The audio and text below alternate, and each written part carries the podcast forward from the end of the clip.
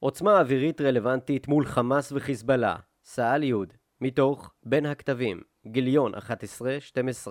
מבוא ארבעת העימותים האחרונים של צה"ל שהתרחשו בעשור האחרון ממחישים כי היכולות המרשימות שהתפתחו בחיל האוויר אינן מתורגמות במלואן לאפקטיביות מבצעית ביחס לאויב מבוזר ודל חתימה כגון חיזבאללה וחמאס. חיל האוויר מגלם עוצמה משמעותית מאוד במונחים טקטיים, יכולת השמדת מטרות, שליטה בשמיים, יכולת פעולה בטווחים רחוקים וגמישות מבצעית.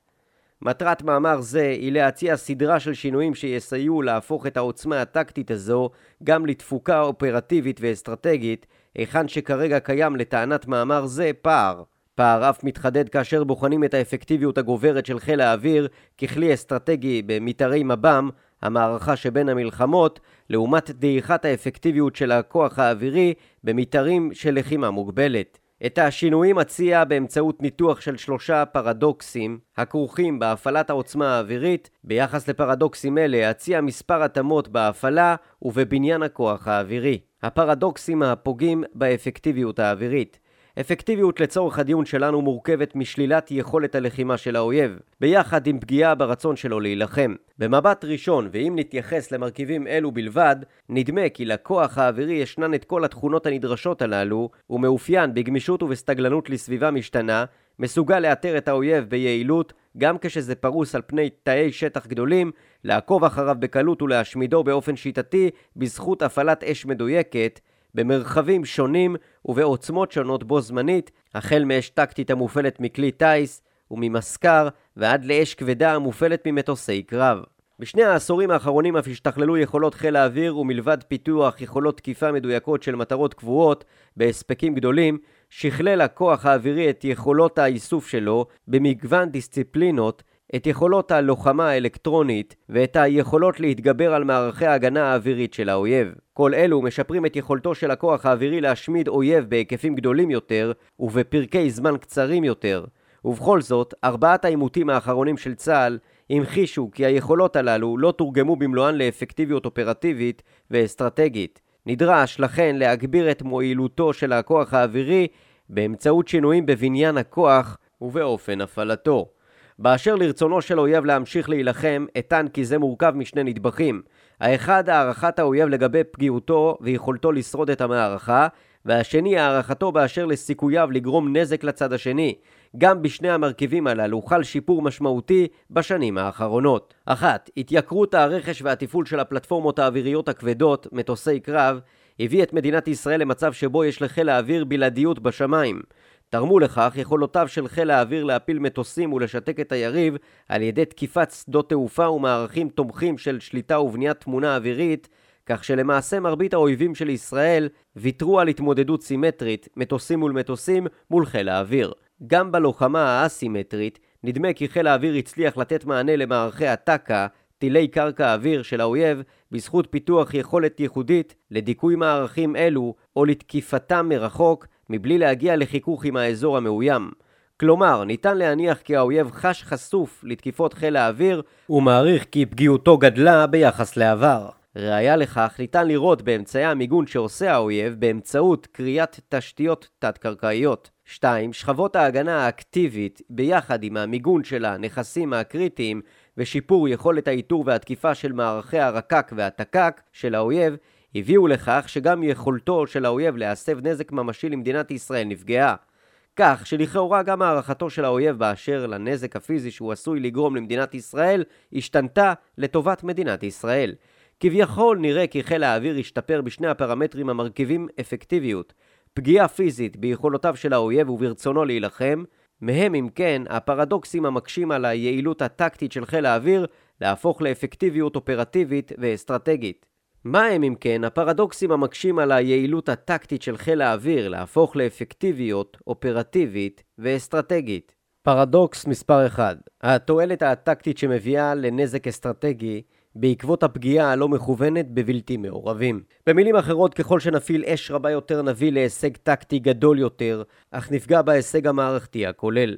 למותר להזכיר שההישג הטקטי והמערכתי נדרשים לשרת את הדרג המדיני, כיוון שבעידן המודרני תוצאיהם של נזק אגבי, נזק סביבתי, דיני מלחמה וכיוצא באלה, מאיימים על הלגיטימציה הבינלאומית לפעול, הרי שככל שנפיל יותר אש וככל שנפגע באופן קיצוני יותר באויב, תמונות ההרס ישמשו אותו במהלך המערכה וגם לאחריה מול ישראל.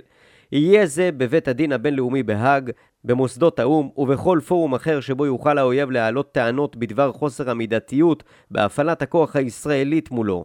חוסר המידתיות בעיני הקהילה הבינלאומית אף גדל ככל שההגנה האקטיבית שמפעיל חיל האוויר מצליחה למנוע פגיעות אפקטיביות של האויב בשטח ישראל.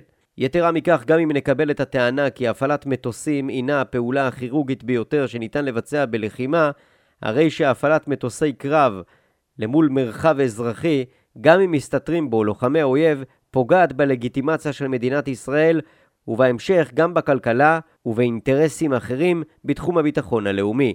כלומר, ככל שהכוח האווירי יהיה בעל עוצמה רבה יותר ויכולות קטלניות יותר, וככל שההגנה תהיה אפקטיבית יותר, כך עלול להיגרם נזק תדמיתי רב יותר למדינת ישראל. פרדוקס מספר 2 התארכות המלחמה באש בעשורים האחרונים התפתחה הגישה של ניהול מלחמות סטריליות, שהינה מלחמה בחיכוך נמוך המאופיינת בהפעלת יכולות אש מהאוויר וארטילריה משטחנו, לצד הגנה אקטיבית.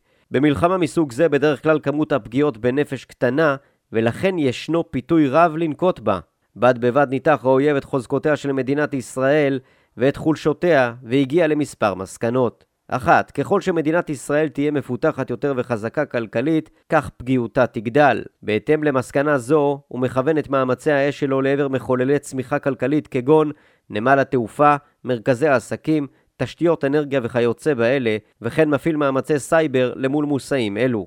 2. ככל שמשך הלחימה יתארך מצבו ישתפר ודעת הקהל הישראלי תנוע לכיוון המוכן להסתפק בהישג קטן או אף המוכן לוויתורים ובתנאי שהילדים כבר יחזרו לבית הספר. תובנה זו באשר לחוסר הסבלנות של האוכלוסייה האזרחית אשר הולך ומתעצם ככל שהעימות מתארך ומכרסם בלגיטימציה הפנימית הביאה את האויב לכלכל את צעדיו ולראות תמ"ס באופן רצוף ובעוצמות משתנות אך לא מרביות, על מנת לטלטל את החברה הישראלית. 3. האויב הפנים את יכולות האיסוף והתקיפה של חיל האוויר, ומשום כך הוא פועל לקזז אותם על ידי פיזור נכסיו, יצירת יתירות במערכיו העיקריים, פעילות בחתימה נמוכה ופיתוח תשתיות תת-קרקעיות. 4. סביר להניח שבעתיד האויב יבין גם את עוצמתו של התמרון הצה"לי לצד מגבלותיו וירחיק את מערכיו החשובים יותר לעומק שטחו. לכאורה היכולות שפותחו בחיל האוויר מאפשרות למדינת ישראל ליהנות ממלחמה סטרילית המייצרת יחס מיטבי של פגיעה באויב למול פגיעות בשטח מדינת ישראל על ידי הפעלת אש מהאוויר לצד הגנה אקטיבית. אולם למעשה דרך פעולה זו משחקת לידי האויב בכך שהיא מאפשרת לו להמשיך להסתתר תוך טפטוף ירי מתמשך ושיטתי ופגיעה בבטן הרכה של ישראל, הכלכלה, החוסן הלאומי והמורל של התושבים. כלומר, השימוש באש אווירית בלבד מייצר מלחמת התשה, אשר יש לה אפקט אסטרטגי מסתבר. פרדוקס 3, בניין כוח המייצר הרתעה אפקטיבית של ארגונים תת-מדינתיים, עלולה לשחוק את יכולת ההרתעה האווירית שלנו כלפי מדינות. צה"ל בכלל וזרוע האוויר בפרט נדרשים להיערך למול מגוון רחב של תרחישים ועימותים. מרבית היכולות המפותחות בחיל האוויר, החל מרכש מטוסי קרב מהדור החמישי, דרך פיתוח יכולות לאיסוף ותקיפה, ועד לתמיל ההכשרות והאימונים בזרוע האוויר, מתמקדות בהבטחת עליונות אווירית וביכולת תקיפה של מערכים אסטרטגיים. פיתוח יכולות אלו מהווה את הבסיס לעוצמה האווירית המוקרנת של מדינות האזור, ובוודאי שהוא משמש כתעודת ביטוח של מדינת ישראל ליום שבו איראן או ערב הסעודית יקומו לתקוף את מדינת ישראל. יש אף שיגידו כי לעוצמתו של חיל האוויר היה משקל חשוב בבחירתם של גורמי האויב לוותר על האסטרטגיה של איזון צבאי אווירי עם ישראל. במקום זאת, הם בחרו להתרכז באסטרטגיה אסימטרית בממד האוויר.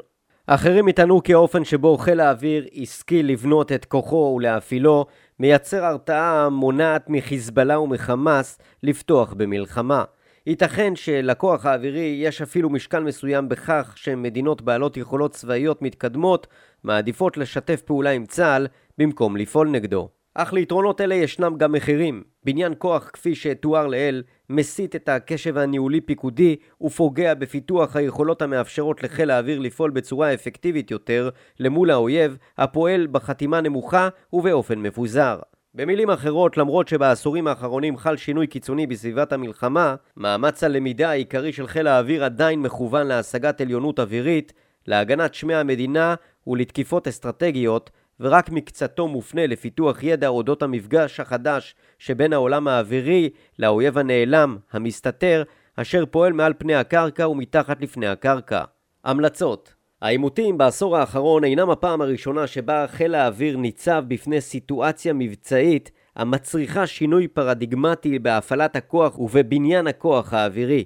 חיל האוויר הוכיח בעבר את גמישותו ויכולתו להסתגל לתמורות משמעותיות בסביבה המבצעית. כך היה בשנות ה-70, עת נתקל חיל האוויר במערכי ההגנה האווירית, אשר קיבלו מענה במבצע ארצב 19 כעשור מאוחר יותר, דרך פיתוח תפיסות התמודדות עם אתגר טילי הקרקע-קרקע בשנות ה-90, ועד לפיתוח המענה לאתגרי ההמנעה של כוחות משוריינים בשנות ה-2000. המלצה ראשונה, תכנון מוטה תודעה. ראשית, נכון לפתח חשיבה על אופן הפעלת העוצמה האווירית, קודם כל, דרך חשיבה על התודעה ועל האופן שבו תיתפס הפעלת עוצמה זו הן על ידי האויב והן בשאר העולם, ורק לנוכח ההיבטים התודעתיים להפעיל את הכוח האווירי בעצימות משתנה. גופי הפעלת הכוח נדרשים לבחינה סלקטיבית של המטרות דרך זווית הראייה התודעתית. בהקשר זה החשיבות שאנו נותנים לממד הספקי התקיפה משמשת כחרב פיפיות, שכן היא אינה משקללת את הנזק התודעתי הכרוך בכל תקיפה ואת הנזק האסטרטגי המצטבר למדינת ישראל מעצם הפגיעה בתשתיות. אלה נתפסות בעיני העולם לא רק כמטרות טקטיות, אלא גם כתשתיות אזרחיות.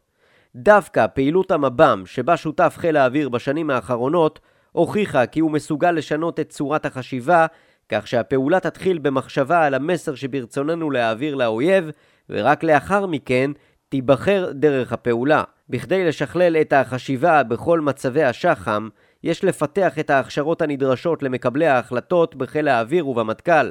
כמו כן נדרש להכשיר את המובילים המבצעיים בחיל האוויר על מנת שיבינו את כלל ההשלכות הרחבות של כל תקיפה ויוכלו לשקלל את מידת ההישג הטקטי עם הנזק התודעתי שהוא יוצר. בהקשר זה יש להדגיש את טבלאות נאזה או שקלול נזס בצורה מכנית אינם מספיקים עוד. יש לפתח צורת חשיבה שונה, כזו המעמידה את המערכת המורכבת הבינלאומית, המשפטית, האזורית והפנימית בלב מעגל התכנון המבצעי. שנית, על חיל האוויר לשכלל עוד את יכולתו לגלות את האויב באופן מדויק, מה שיאפשר את תקיפתו תוך גרימת נזק אגבי וסביבתי בהיקפים מוגבלים יותר. עיקרון זה מחייב תעדוף של פיתוח ורכש מערכות איסוף מודיעיני ופיתוח יכולות תכנון קפדניות גם על חשבון היקפי התקיפה. עוד נדרש לשכלל את יכולות התקיפה והתאמתן להישג הנדרש באופן שיפחיתו מהנזק האגבי, למשל באמצעות שימוש בפרטי חימוש קטנים יותר. שלישית, על צה"ל ועל גופי ההסברה במדינת ישראל לנהל מערכה תודעתית מסונכרנת עם מאמץ האש שתכוון למספר קהלי יעד, אויב המערכת הבינלאומית, מדינות ערב, אזרחי ישראל ועוד, ושתפצה על החולשות הכרוכות בהפעלת מאמץ זה. המלצה שנייה, שילוב טוב יותר בין היבשה ובין האוויר. תמרון יבשתי אפקטיבי בחזית ולעומק שטח האויב יחשוף את האויב המסתתר מהאש האווירית ויאלצו לצאת ממחבואו כדי להגן על נכסיו, ובכך הוא יאיץ תהליכים מדיניים לסיום הלחימה. תמרון כזה יכול להתממש רק באמצעות הפעלת כוח אווירי מתואם ומסונכן לצרכיו. בכדי לממש עיקרון זה נדרש חיל האוויר לעשות שינוי תפיסתי שתחילתו בהכרת צורכי התמרון, יתרונותיו ומגבלותיו, ובעיקר הפנמה של רמת החיכוך הכרוכה בתמרון היבשתי. חיכוך זה מתקיים לא רק עם האויב, אלא ואולי בעיקר עם השטח, עם כוחות אמיתים ועם אוכלוסייה אזרחית. רק שהות של לילה בטנק, כשחצי מהגדוד נתקע כי אחד החיילים לא בדק כראוי את ציודו, והכלי פרס זחל, ובכך פגע בהתקדמות צוות הקרב החטיבתי כולו, או טעות בניווט של קצין זוטר, שאחר כך תגרור קרב חילוץ קשה, ימחישו לאנשי חיל האוויר את הסביבה המבצעית שעימה נדרש הכוח היבשתי להתמודד, את הכאוס המתמיד בסביבה זו ואת הבעיות שאותה נדרש מפקד הכוח היבשתי לפתור. רק היכרות אינטימית כזו עם קרב היבשה תביא לפיתוח תהליכים מבצעיים שיתרמו לקרב המשולב והמשותף ולפיתוח אמל"ח שישרת את שותפותו של חיל האוויר בקרב היבשה. בהקשר זה נכון להדגיש מספר נקודות. ראשית, על חיל האוויר להפנים את הצורך של היבשה לסיוע אווירי קרוב בטווחי בטיחות משתנים ובפרקי זמן קצרים ורלוונטיים, דקות בודדות, באמצעות מטוסי קרב. סיוע אווירי המדלג על צווארי הבקבוק של המפקדות, אשר פעולתן צורכת זמן, והמאפשר למפקד המתמרן לחדול את האש בכל רגע נתון ולהפעיל אש ואמצעים קטלניים בטווח בטיחות נושם בהתאם לערכיות המטרה, תמונת הקרב ומיקום חייליו, שהוא זה שמכיר הכי טוב, ואופן המיגון של חייליו. הסיוע הקרוב בעידן המודרני אינו מצריך שיח בקשר רדיו כבעבר. המערכות הממוכנות והרשתיות הרב-זרועיות יאפשרו בעתיד הקרוב למפקד הפלוגה או הגדוד לסמן מטרה על גבי תצה המוצג על מסך מגע תוך ציון ההישג הנדרש. מטרה זו תועבר באופן אוטומטי למערכות תכנון אוטומטיות שיחשבו את סוג החימוש ואת אופן הביצוע בהתאם למדרגת הנאזה, מיקום כוחותינו ואופי המטרה, ואף יוקצה באופן אוטומטי סדק זמין בעל חימוש רלוונטי לביצוע המשימה. באופן דומה ניתן לבנות את המערכת כך שהמפקד יוכל לבטל את התקיפה עד לרגע הטלת החימוש וגם אם מסיבה כלשהי לא ניתן יהיה לתקוף את המטרה בפרקי זמן רלוונטיים, יועבר למפקד מסרון עם משוב שיציין את הסיבות שבגינן לא ניתן לעמוד במשימה שהציב. על מנת שכלל השותפים בתהליך יהיו מיומנים דיים לביצועו, כדי שהטייס המטיל את הפצצה יוכל לבטוח בשיקול דעתו של מפקד הכוח הקרקעי, וכדי שהכוח הקרקעי יוכל להאמין כי ברגע האמת יקבל את הסיוע האווירי בדיוק כפי שביקש, נדרש לפתח את האמון בין כוחות היבשה לחיל האוויר. אמון כזה נרכש בהכשרות משותפות בכל הדרגים, באימונים ובתרגילים משותפים, כמו גם בהיכרות בלתי אמצעית ובאיוש ממלאי תפקידים בהצלבה בין הזרועות. שנית, חיל האוויר נדרש לפתח אמל"ח שיתמוך בצורכי היבשה בכלל הרבדים. החל מסיוע התקפי התואם את צורכי הכוח היבשתי, כגון חימוש מופחת נאזה, דרך הנגשת תוצרי האיסוף עד לדרג הטקטי הנמוך ביותר, ועד לתספוק לוגיסטי של סדק יבשתי גדול המבצע תמרון בעומק. שלישית, צה"ל נדרש לפתור את סוגיית הסמכות והאחריות בהפעלת סיוע האוויר על ידי כוחות קרקע. כלומר, נדרש לנהל דיון פתוח וישיר, אשר יקבע בצורה משותפת כיצד נכון להשתמש בקטלניות של הכוח האווירי, על מנת למקסם את תפוקותיו בעבור קרב היבשה. בתוך כך נמפה ונענה על שאלות כמו מהם החסמים המונים מצה"ל לעשות זאת, אילו תהליכים מבצעיים נדרשים בכדי לממש סיוע אפקטיבי, ובעיקר מי נושא באחריות במקרה של כישלון הסיוע האווירי, כדוגמת ירי על כוחותינו או פגיעה בלתי מידתית באזרחים. הפתרון צריך להיות כולל לכלל הכוח האווירי, במיוחד למערך מטוסי הקרב, אשר מהווים את עמוד השדרה של הקטלניות האווירית. עליו להיות מושתת על שפה משותפת שתתבסס על דיני המלחמה, הבנה ומקצועיות של כל הגורמים בתהליך עם יכולות הכוח ומגבלותיו, כולל היכרות מעמיקה עם חישובי הנאזה והנאזס, מערכות תומכות החלטה ומערכות שוב, אשר מסייעות למפקד ביבשה וממזערות את סיכוייו לטעות, חינוך לפי עיקרון אחדות הפיקוד, לצד עיקרון האחריות המרחיבה, ותחקור בלתי מתפשר של חריגות מסמכות או של מקרים בהם לא בוצעו פקודות כלשונן. המלצה שלישית, השקעה נוספת בהתאמת הכוח לאתגר האסימטרי. נקודה מכרעת בעיניי בתחום בניין הכוח היא תחום ההדרכה בחיל האוויר. בפיתוח האמל"ח מושקעים קשב ניהולי ומשאבים רבים וגם מנגנוני תיאום כלל צה"ליים. תחום ההדרכה לעומת זאת הוא פנימי לגמרי לחיל האוויר ובתורו משפיע גם פיתוח האמל"ח והבנת הצורך המבצעי. אימון בקרבות אוויר מקנה לטייס יכולת לשלוט במטוס ומפתח אצלו יכולות להתמודד עם מצבים מורכבים המצריכים לחלק את הקשב בין מספר גורמים. עם זאת, לא ברור אם אלו הם עדיין האתגרים המרכזיים של חיל האוויר בעידן הנוכחי. בהקשר זה אציע נקודת מבט מעט שונה מהמקובל בחיל האוויר. אבקש לטעון כי על חיל האוויר לבצע מספר תהליכים במקביל על מנת למצות את כוחו גם בעימותים אסימטריים מול חמאס וחיזבאללה ולפתח יכולות אימון רלוונטיות להתמודדות איתם, ובתוך כך 1. להסב את הטייסת האדומה מיחידה טסה המהווה אופוזיציית אוויר-אוויר מתקדמת ליחידה קרקעית, אשר תלמד את אופן פעולתו של חיזבאללה ותשמש כיחידת ביום אויב הפועלת בדיוק על פי תול האויב.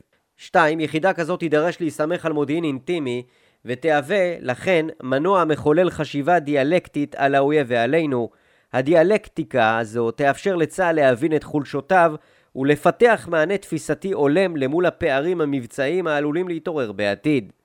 3. הסטת משאבים לפיתוח אמצעי הדרכה שיבחנו את מערכי האיסוף בכלל הדיציפלינות הקיימות ושיתרגלו אותם מתוך הבנה כי האתגר הגדול בשדה הקרב המודרני טמון באיתור האויב ובסיווגו.